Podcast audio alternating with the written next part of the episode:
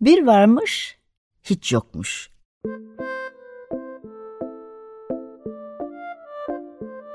Çocuklara, büyüklere hikayeler, masallar ve müzikler. Hazırlayan ve sunanlar Memo Sağlam, Hande Tecik Öztürk ve Tuğba Zehra Sağlam.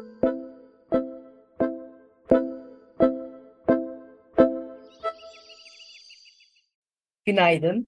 95.0 Açık Radyo'da bir varmış hiç yokmuş programıyla karşınızdayız. Bugün program ortaklarım Hande Tecik Öztürk Günaydın. ve Tuğba Zehra Sağlam Günaydın. ile birlikte kitabımızın adı ne? Evet. Yazarımızı da söyle istersen konuğumuz olduğunu. Sesimiz Evet.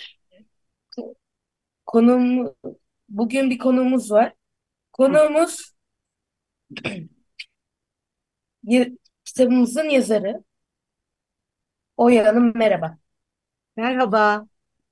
Evet Oya Hanım eee, isterseniz eee, kitabımızı okuyarak bir bölümünü okuyarak sizinle programı açmak isteriz. Bugünkü kitabımız bu arada onu da söyleyelim. Avuç kadar bir kadar kedi. bir- evet avuç kadar bir kedi. Evet, e, Avuç Kadar Bir Kedi kitabının e, ilgi çeken bölümlerinden bir tanesi Veteriner Hekim İğneci Nine'ye karşı bölümünü okumak isterim. Buyurun lütfen dinliyoruz. Teşekkürler. E, tüm Açık Radyo e, dinleyicilerine de mutlu bir pazar günü dileyerek başlamak istiyorum. Üstü kapalı ve sıcak bir yerde ilk kez uyudum. Rüya bile gördüm. Geniş, çiçekli kırlarda tüylerimi havalandıra havalandıra koşarken birden karşıma çıkan bizim eski mahalledeki iğneci nine sayesinde birkaç kere uyanır gibi oldum ama yine de çok keyifli bir uykuydu. Gün ışığı penceremdeki perdenin arasından içeri sızarken gözlerim kendiliğinden açıldı. Bir anda nerede olduğumu anlayamadım. Kedi annemin kokusunu aradım ama bulamadım. Sonra hatırladım. Ben yeni yuvamdaydım. İnsan annemin benim için diktiği kırmızı kurdeleli minderimin üzerindeydim. Her yer çok sessiz. İnsan annem ve insan ablam ortalıkta görünmüyor. Sanırım daha uyuyorlar. Minderimden aşağı inip tuvalet kumuma gidip rahatladım. Sonra da evi dolaşmaya karar verdim. Hazır ortalarda kimse yokken. Evde birçok kapı var. Hepsi de açık. Önüme gelen ilk kapıdan içeri girdim. Küçük bir oda burası. Bir duvarında raflar, raflarda da kitaplar ve süsler var. Süsler çok can alıcı güzellikte. Bazıları hayvanlara benziyor, bazıları insan şeklinde. Onlarla oynamak istedim ama hemen bu düşünceden vazgeçtim. Uslu durmaya karar verdim. Halının ucuna kıvrılıp oturdum. Bir süre boş boş oturmaktan canım çok sıkıldı. Aklım hala şu süslü hayvan şekillerinde. Nasıl da parlaklar. Of ne yapsam? Ah buldum, yemek yiyeyim. Mama kabımda biraz peynir ekmek kırıntısı kalmış. Yiyeceklerin tadı dün akşamki kadar güzel değil. Yine de kırıntıları yedim. Öf, vakit bir türlü geçmek bilmedi. Ev hala çok sessiz. Biraz daha uyumaya karar verdim. Minderime gidip iğnencinin içinde olmadığı rüyaları görmeyi dileyerek tatlı bir uykuya daldım. Kulağımın yanı başında yumuşacık bir ses uykumu böldü. Uyku sersemi söylenenleri tam olarak anlayamadım ama yine de çok hoşuma gitti. Yeni yuvamda her sabah böyle Eski mahallemde yan evdeki komşunun haylaz çocuğu sabah okula giderken kapıyı çok hızlı kapatırdı. Annesi de kapıyı çocuğun arkasından açıp sana şu kapıyı doğru düz kapat demiyor muyum diye bağırıp daha büyük gürültüyle tekrar kapatırdı. Her sabah aynı bağırış çağrışlarla uyanırdı. Artık o gürültücü kadından da haylaz çocuğundan da kurtuldum. İşte nihayet herkes uyandı. Evin içinde mis gibi bir çay kokusu dolaşıyor. Nereden mi biliyorum mis gibi çayı? Terasımızda yaşarken ev sahibimizin sesini duyardık. Mis gibi bir çay demleyelim de denize karşı içelim diye. Bana göre her çay mis gibi. Bir gün ben de çayın tadına bakmak istiyorum. O zaman güzel bir şey mi değil mi anlayacağım. Mama tabağıma taze yiyecekler koydular. Hepsini büyük bir iştahla yedim. Yemek yerken biraz öksürdüm. Hiç umurumda değil. Nasılsa bugün veterinere gideceğiz. Umarım iğnesiz tedavi yaparlar. Ne kadar zaman geçti anlayamadım ama evde sabah işleri bitti. İnsan ablam beni kucakladı, sevdi sevdi. Sonra yüzüne yaklaşıp iyice bana fısıldadı. Kliniğe gidelim mi? Hiç gitmek istemiyorum ama şu hastalığımın geçmesi gerekli. Yoksa yeni hayatımın keyfini çıkaramayacağım. İnsan ablam kırmızı kabanını giydi. Çantasını omuzuna takıp beni kucakladı. İnsan anneme taksi gelmiş midir diye sordu. Başka bir şeyler daha konuştular. Korkudan kulaklarım uğuldamaya başladı. Duyduğum konuşmaları da anlamaz oldum. Taksiye bindikten kısa bir süre sonra indik. Evimize çok yakınmış klinik. Kliniğe girince insan ablamı hemen tanıdılar. Benden önce de engelli bir köpek sahiplenmiş. Aşıları ve tedavileri için yine buraya getiriyormuş. Veteriner kliniğinde bulunan insanlar beni çok sevdiler. Tüylerime, kulaklarıma, patilerime dokundular. Benim için çok güzel bir kedi dediler. Muayene odasına girdik. Veteriner hekim dikkatle muayene ettikten sonra iğne olması lazım dedi. İşte korktuğum başıma geldi. O anda oradan kaçmak istedim. Koşmak, koşmak, beni hiç kimsenin bulamayacağı çok uzak köylerdeki çayırlarda saklanmak. İnsan ablam beni bir yandan seviyor, bir yandan da korkmamamı, iyi olacağımı söylüyor. Ama kendimi çok kötü hissediyorum, moralim sıfır. Veteriner hekim elindeki enjektörle bana doğru yaklaştı.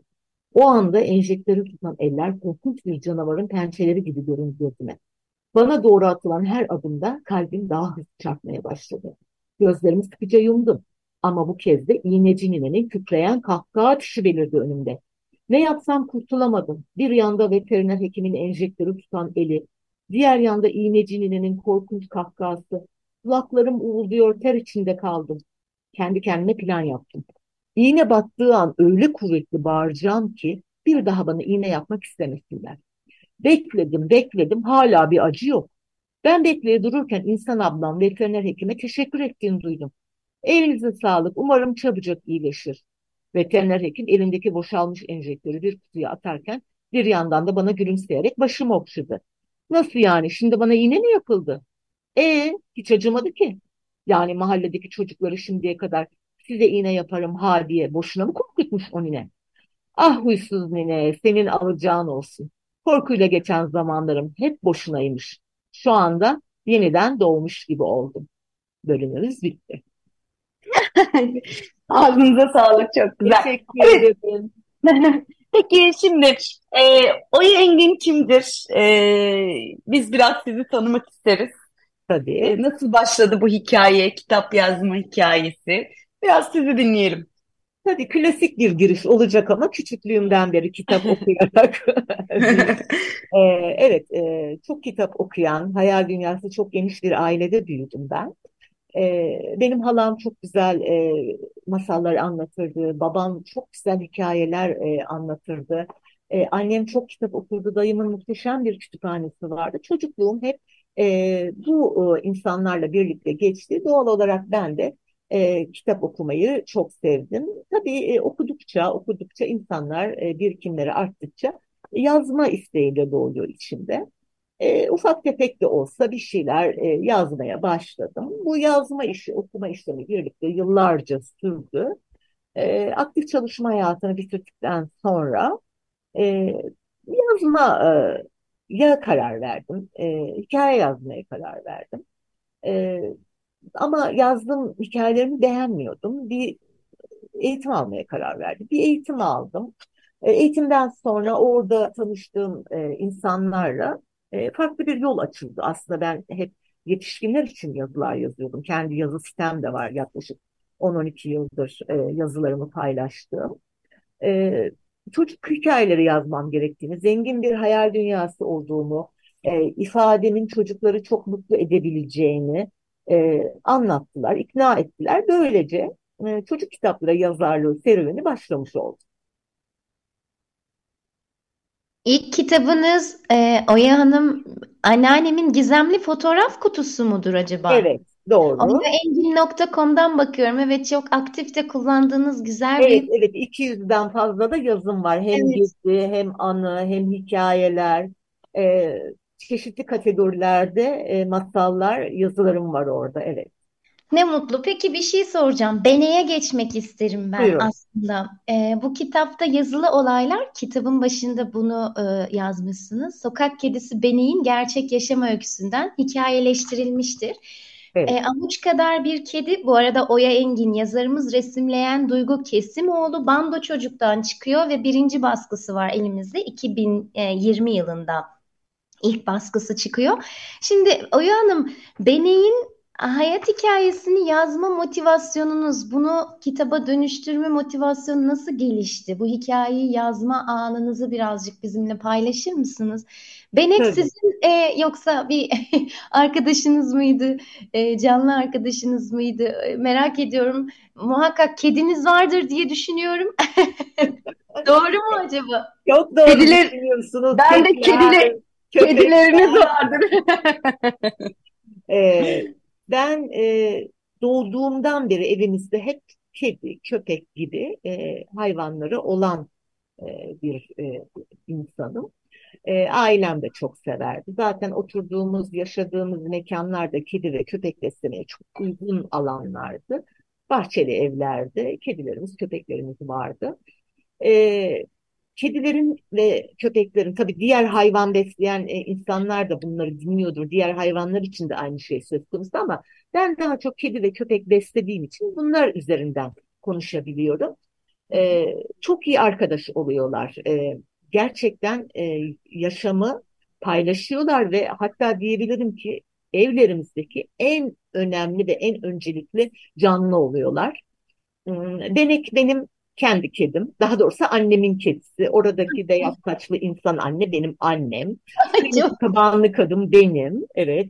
tahmin Tom kıvırcık saçlı olan benim. Ee, birebir kendi hayatımızı yazdık. Ee, o dönem e, bizim ailece bir kayıp yaşadığımız zor bir dönemdi. Ee, annem için e, onu benim çalışma hayatım vardı. Ee, yani özel işler yaptım. Ee, o yüzden e, annemin çok yalnız kalmaması için ona bir e, arkadaş, kedi arkadaş e, arıyorduk. O da kara kedileri çok sever.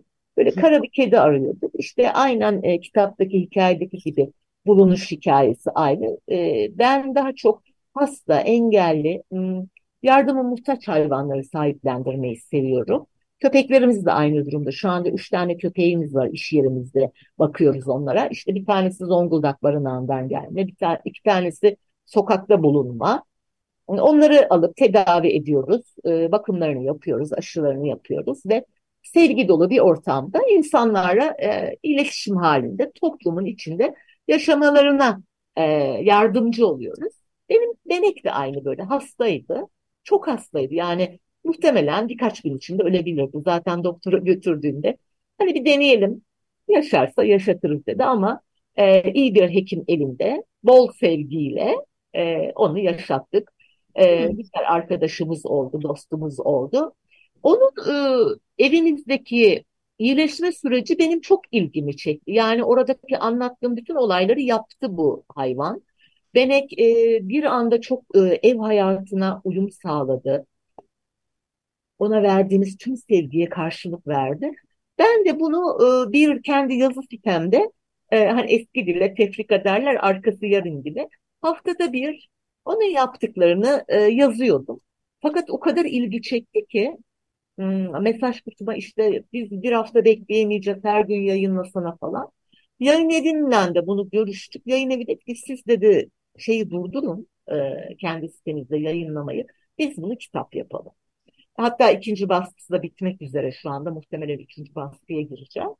E, çok ilgi çekti hem yetişkinler hem çocuklar için. E, hikayesi bu kitabın böyle Beneklen'de muhteşem bir yolculuğumuz var. E, bizim en yakın dostumuz, gönlümüzün sultanı. E, herkese de tabii ki böyle bir e, yol arkadaşı tavsiye ediyorum. Ne mutlu. Beneyi sahiplendiğinizde tabii ki şey böyle 3-5 aylık e, gibiydi değil mi? İki aylık tam. Bir avucumun içine sığıyordu. Kitabın adı da Avuç Kadar Bir Kedi onun için. Tam avucumun boyundaydı. İki aylık. O Çok güzel. Şimdi 3 3 yaşında mı? Aa, yok. Beş. Beş. 5 yaşında. Çünkü kitabı yazma süreciniz vesaire tabii. Tabii 2020'de yazmıştım ben bunu. Aa yazmıştım ama pardon 2020'de e, bende kalmıştı o. Yani iki, iki, iki buçuk yaşında falandı ben onu yazmaya başladığımda. Ömrü uzun olsun güzel benim. İyi sevgiler. Öpüyoruz onu çok. Konu kediler olunca sabaha kadar kedi konuşabiliriz. Yani Evet. Peki.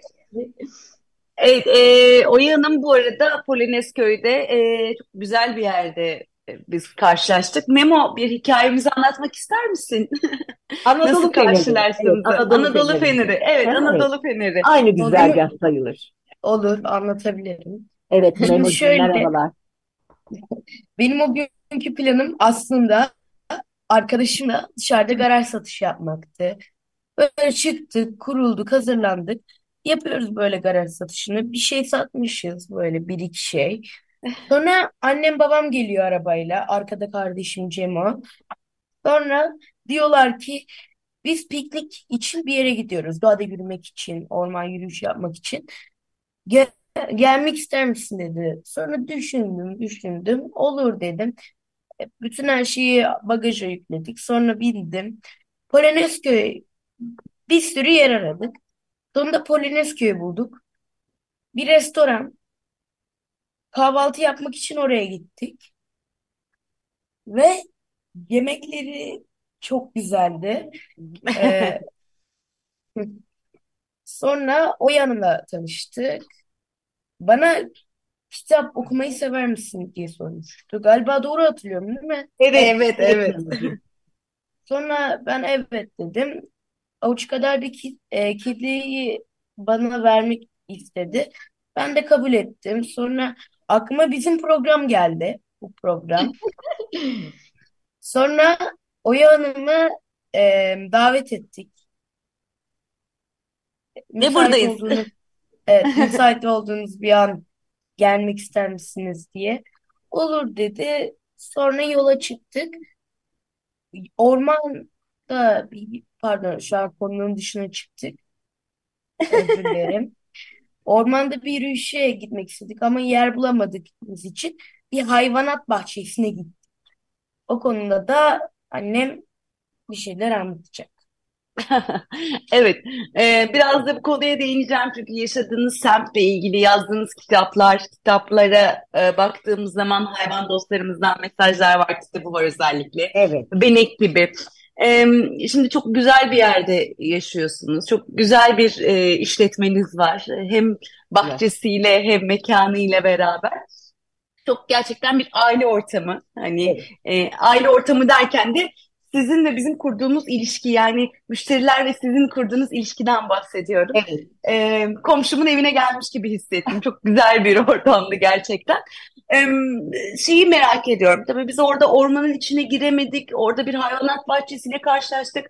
İnanılmaz karşı e, ve buraya hizmet etmek kadar kötü bir şey olamaz. Çok karşısındayım ama Memo'nun yıllardır sorduğu bir soru vardı ve ben dedim ki o zaman hayvanların yüzündeki acıya bakmanı istiyorum deyip e, yine kendime öz eleştiri yaparak biz buraya bir hizmette bulunduk tabii ki. Ama e, ben size sormak istiyorum. Bu e, hayvanlarla ilgili kitaplar, benek olsun, sokak hayvanları olsun, yaşadığınız bölgeye yakın bir yerde de böyle bir yer var ne yazık ki. E, bu hak, bunun hakkında hani e, oradaki kesimin, sizin e, düşünceleriniz nedir, nasıl yansır?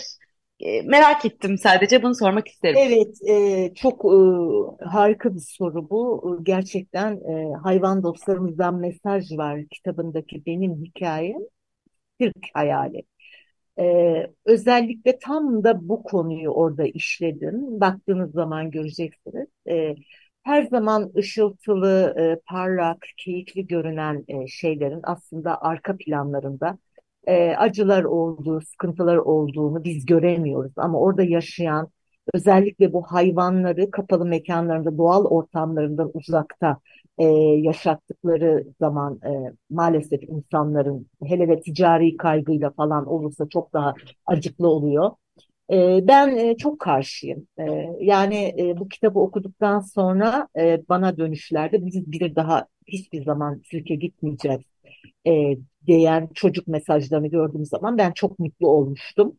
En azından hikaye e, amacına e, ulaştı. Okuyan kim varsa çocuklar üzerinde bu etkiyi yarattı.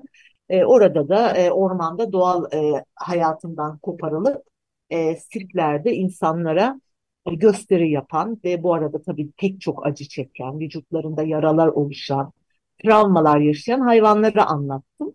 Ve bu hayatın çok keyifli olduğunu zanneden iki tane küçük e, orman çocuğunun yani yavrunun e, başına gelenleri ve ormandaki tüm e, sirkteki tüm hayvanları e, büyük bir cesaretle gerçekleri gördükten sonra kurtarmalarını anlattım. Evet ben e, dediğiniz gibi ben de çok karşıyım ve kesinlikle bu tip e, işletmelere, bu tip e, mekanlara gitmiyorum. Hı hı. Kimsenin de bunlara prim vermesini istemiyorum. E, benim düşüncelerim de böyle. Teşekkür ediyoruz. Peki bu yakın zamanlarda yeni gelecek kitaplarımız var mı? Ee, biraz da oradan bahsedelim. Tabii e, ben lokasyon yazmayı çok sever, seviyorum. E, çocuklara özellikle belli lokasyonlardaki geçmişteki e, yaşanmışlıkları anlatmak istiyorum ki geçmişle bugün arasında mukayese yapabilsinler. Neler değişmiş, neler kazanılmış, neler kaybedilmiş. Bunları kafalarında canlandırabilsinler istiyorum. Fısıldayan Zeytin Ağacı kitabımda Kaz Dağları'nı işlemiştim geçmişten gelen hazinede Midilli Adası e, ve Edremit bölgesi. E, işte Ayşin Yeditepe İstanbul. Evet, Yeditepe İstanbul'da zaten İstanbul'un evet. ama o sırf bana ait bir kitap değil, beş yazar arkadaşlar hı hı. birlikte çalıştığımız. Aynı şekilde e, hayvan dostlarımızdan mesajlar, onu da dokuz yazar arkadaş birlikte bir projeydi. Bunlar ikisi proje kitaplar. E, Ay ışığında oynayan balıklar da sizin geldiğiniz Anadolu Feneri köyünün e, hikayesi. Orada orada geçiyor hikaye ama kapsam olarak e, tüm Boğaz için anlatıyor. Yani mitolojik çağdan gelerek günümüzde ve kendi Türk kültürüyle alakalı e, öğeleri de kullanıyorum. Örneğin orada Meddat'tan yola çıkarak bir hikayeci amcamız var. Çeşme başında çocukları akşamları e, İstanbul Boğaziçi ile ilgili hikayeler anlatıyor. İşte ne yenir, ne içilir, neler vardı. İşte e, Kabataş'ta e, şarkı söyleyen Yunuslar, efendim e, şeyde İstanbul Boğazı'nın altından akan aktif 30 kilometrelik bir su nehri gibi, e, Büyükdere'deki e, ahtapot ağaç gibi pek çok bilinmeyen, e, daha doğrusu gözden kaçmış, kıyıda kenarda kalmış hikayeleri de ortaya çıkarmayı seviyorum. Şu anda e, Kadıköy bölgesiyle ilgili bir çalışma yapıyorum. Kadıköy hı hı. bölgesinin işte e, Fikirtepe'nin buğday tarlaları olduğu dönemden e, işte Haydarpaşa'ya e, Kadıköy bölgesinden trene binmek için kayıklarla gidildiği döneme, tramvaylar olduğu döneme, işte e, sokaklarda e, sirklerin, sirk demeyelim de gene cambazların cambazların e, gösteriler yaptığı dönemlere, işte lalanga tatlılarının yendiği dönemlere turnameler giden, evet, e, Kurbağalı Dere'de işte timsahların olduğu, altınların arandığı dönemleri anlatan ama bunu günümüzde iki tane yaşlı amcanın bir gözlükle bir e, saatle birlikte yaptığı e, bir keyifli hikaye geliyor. Ne güzel. seneye çıkar diye düşünüyorum. Seneye bizimle yazıyorum da. Bu sene çünkü masal kitabımız çıktı. E, sıcak çikolata çeşmesi. O da evet. benim evet, sosyal sorumluluk projelerimden bir tanesinden e, çıkan bir e, üretim oldu. Ondan da çok keyifliyiz okullarda. Onun için e, gösterilere gidiyoruz. Evet, e, biz yavaş yavaş programımızın sonuna geliyoruz. E, yakında peki bir dahaki sene e, yeni bir kitapla buluşuyor olacağız. Umuyorum. Çok güzel. Ben de umuyorum. Peki kitaplarımızı nereden edinebiliriz sorusunu e, çünkü e, nasıl ulaşabiliriz? Bütün kitapçılarda çok net bulabiliyor muyuz o yanı? Benim kitaplarımı mı? Evet, evet. evet internet e, satışı yapan tüm e, kuruluşlarda, dijital ortamların hepsinde var. Hepsinde var. Yani internet üzerinden e, ulaşabilirsiniz. Tabii ki fuarlar, imza günleri bunlara katıldığı zaman bando yayınları kişisel olarak da e, katılabiliyoruz. Şimdi e, ilk e, en yakın tarih olarak da 22 Eylül Cuma günü e, Sarıyer Edebiyat Günlerinde bir imza günüm var. E, orada Sarıyer bölgesinde ya da e, arzu eden, ziyaret edenleri beklerim. Orada e, olacağım gün boyu. E, böyle e, kitap günlerinde, imza günlerinde, e, İstanbul e, TÜYAP Kitap Fuarı'nda Kadın Yazarlar Derneği'nde olacağım. Günü onun daha belli değil ama sosyal medya hesaplarımda şeylerini, afişlerini yayınlıyorum. Oradan takip edebilir e, sevgili okurlar. E, şimdilik böyle etkinlikler okullarda da oluyor davet üzerine. Okul e, etkinliklerinde sadece okulun içindeki veliler ve e, öğrencilerle sınırlı. E, o yüzden onların çok bir duyurusu olmaz. Evet, şimdi e, demek ki oyaengin.com adresinden Oya Hanım takip edebilirsiniz. Bununla birlikte önümüzdeki sene yeni bir kitabı çıkıyor olacak. E, geçmişe dönük hikayelerle bir arada kalmak isterseniz bence e, kaçırılmayacak bir yazar olduğunuzu düşünüyorum. E, sevgili arkadaşlarım e, Oya Hanım'a sormak istediğiniz bir soru var mı son olarak programı kapatmadan önce? Sormak değil çok şey var ama e, zamanımız olmadığı için sadece bu kitap özelinde birkaç bir şey söyleyerek e, veda edebilirim. E, kitabınız çok güzel. Özellikle verdiği temel mesajı e, canlı sahiplenmek ve sokakta bize ihtiyacı olan, tek gözü görmeyen, ayağı bacağı ampute olmuş canlılar e, hasta olmuş canlıları özellikle sahiplenmek noktasında çok güzel mesaj veriyor. Teşekkür ederiz. Elinize kaleminize sağlık Oya Hanım. İyi ki geldiniz. Çok teşekkür ederim. Memo'cum. Evet. O zaman programımızı yavaş yavaş kapatabiliriz. Tabii. Dinlediğiniz için teşekkür ederiz. Görüşürüz. Oya Hanım geldiğiniz için teşekkür ederiz. İyi ki geldiniz. için ben çok teşekkür ederim. Çok küçük bir e, bir şey söylemek istiyorum. Tabii ki buyurun lütfen. Çocuk kitaplarını e, yetişkinlerin de okumasını e, çok öneriyorum. E, çünkü herkesin çocukluğuna ihtiyacı var. Kesinlikle e, zaten e, kitapların ben genellikle kitapların yaş aralığına bakarım kaç yaş aralığında okunması evet. gereken kitapları olduğu için her bunu söylediğim zaman Hande çocuk kitaplarının yaşı yoktur diye. Aynen ee, evet. Biz büyükler için evet yaşı yoktur ve e, çocuk edebiyatının aslında yetişkinler için ne kadar önemli olduğunu biraz da pro program sayesinde biz bunu çok seviyoruz. Ben çok seviyordum kitap okumayı ama biraz da bu program Açık Radyo sayesinde buna evet. kavuşmuş olduk. Size sonsuz katılıyoruz. E, yürekten katılıyoruz. E, bence yetişkinlerin de e, çocuk kitaplarını özellikle sizin tarzında yazılan kitapları da çünkü unutuyoruz geçmişimizi ve çocukluğumuzu ve yaşananları unutuyoruz. Ne güzeldir ki sizin gibi yazarlarımız var ki bize bunları hatırlatıyor. E, doğru ve çocuk gözüyle bakmayı da gösteriyor. E, umarım niceleri, daha niceleri ve güzelleri olur. Geldiğiniz için teşekkür, teşekkür ederiz. E, efendim haftaya Haftaya yeni bir kitapla buluşmak üzere. Hoşçakalın. Deneye sevgiler. Teknik Masa'da Berhem teşekkür ederiz. Berhem teşekkürler.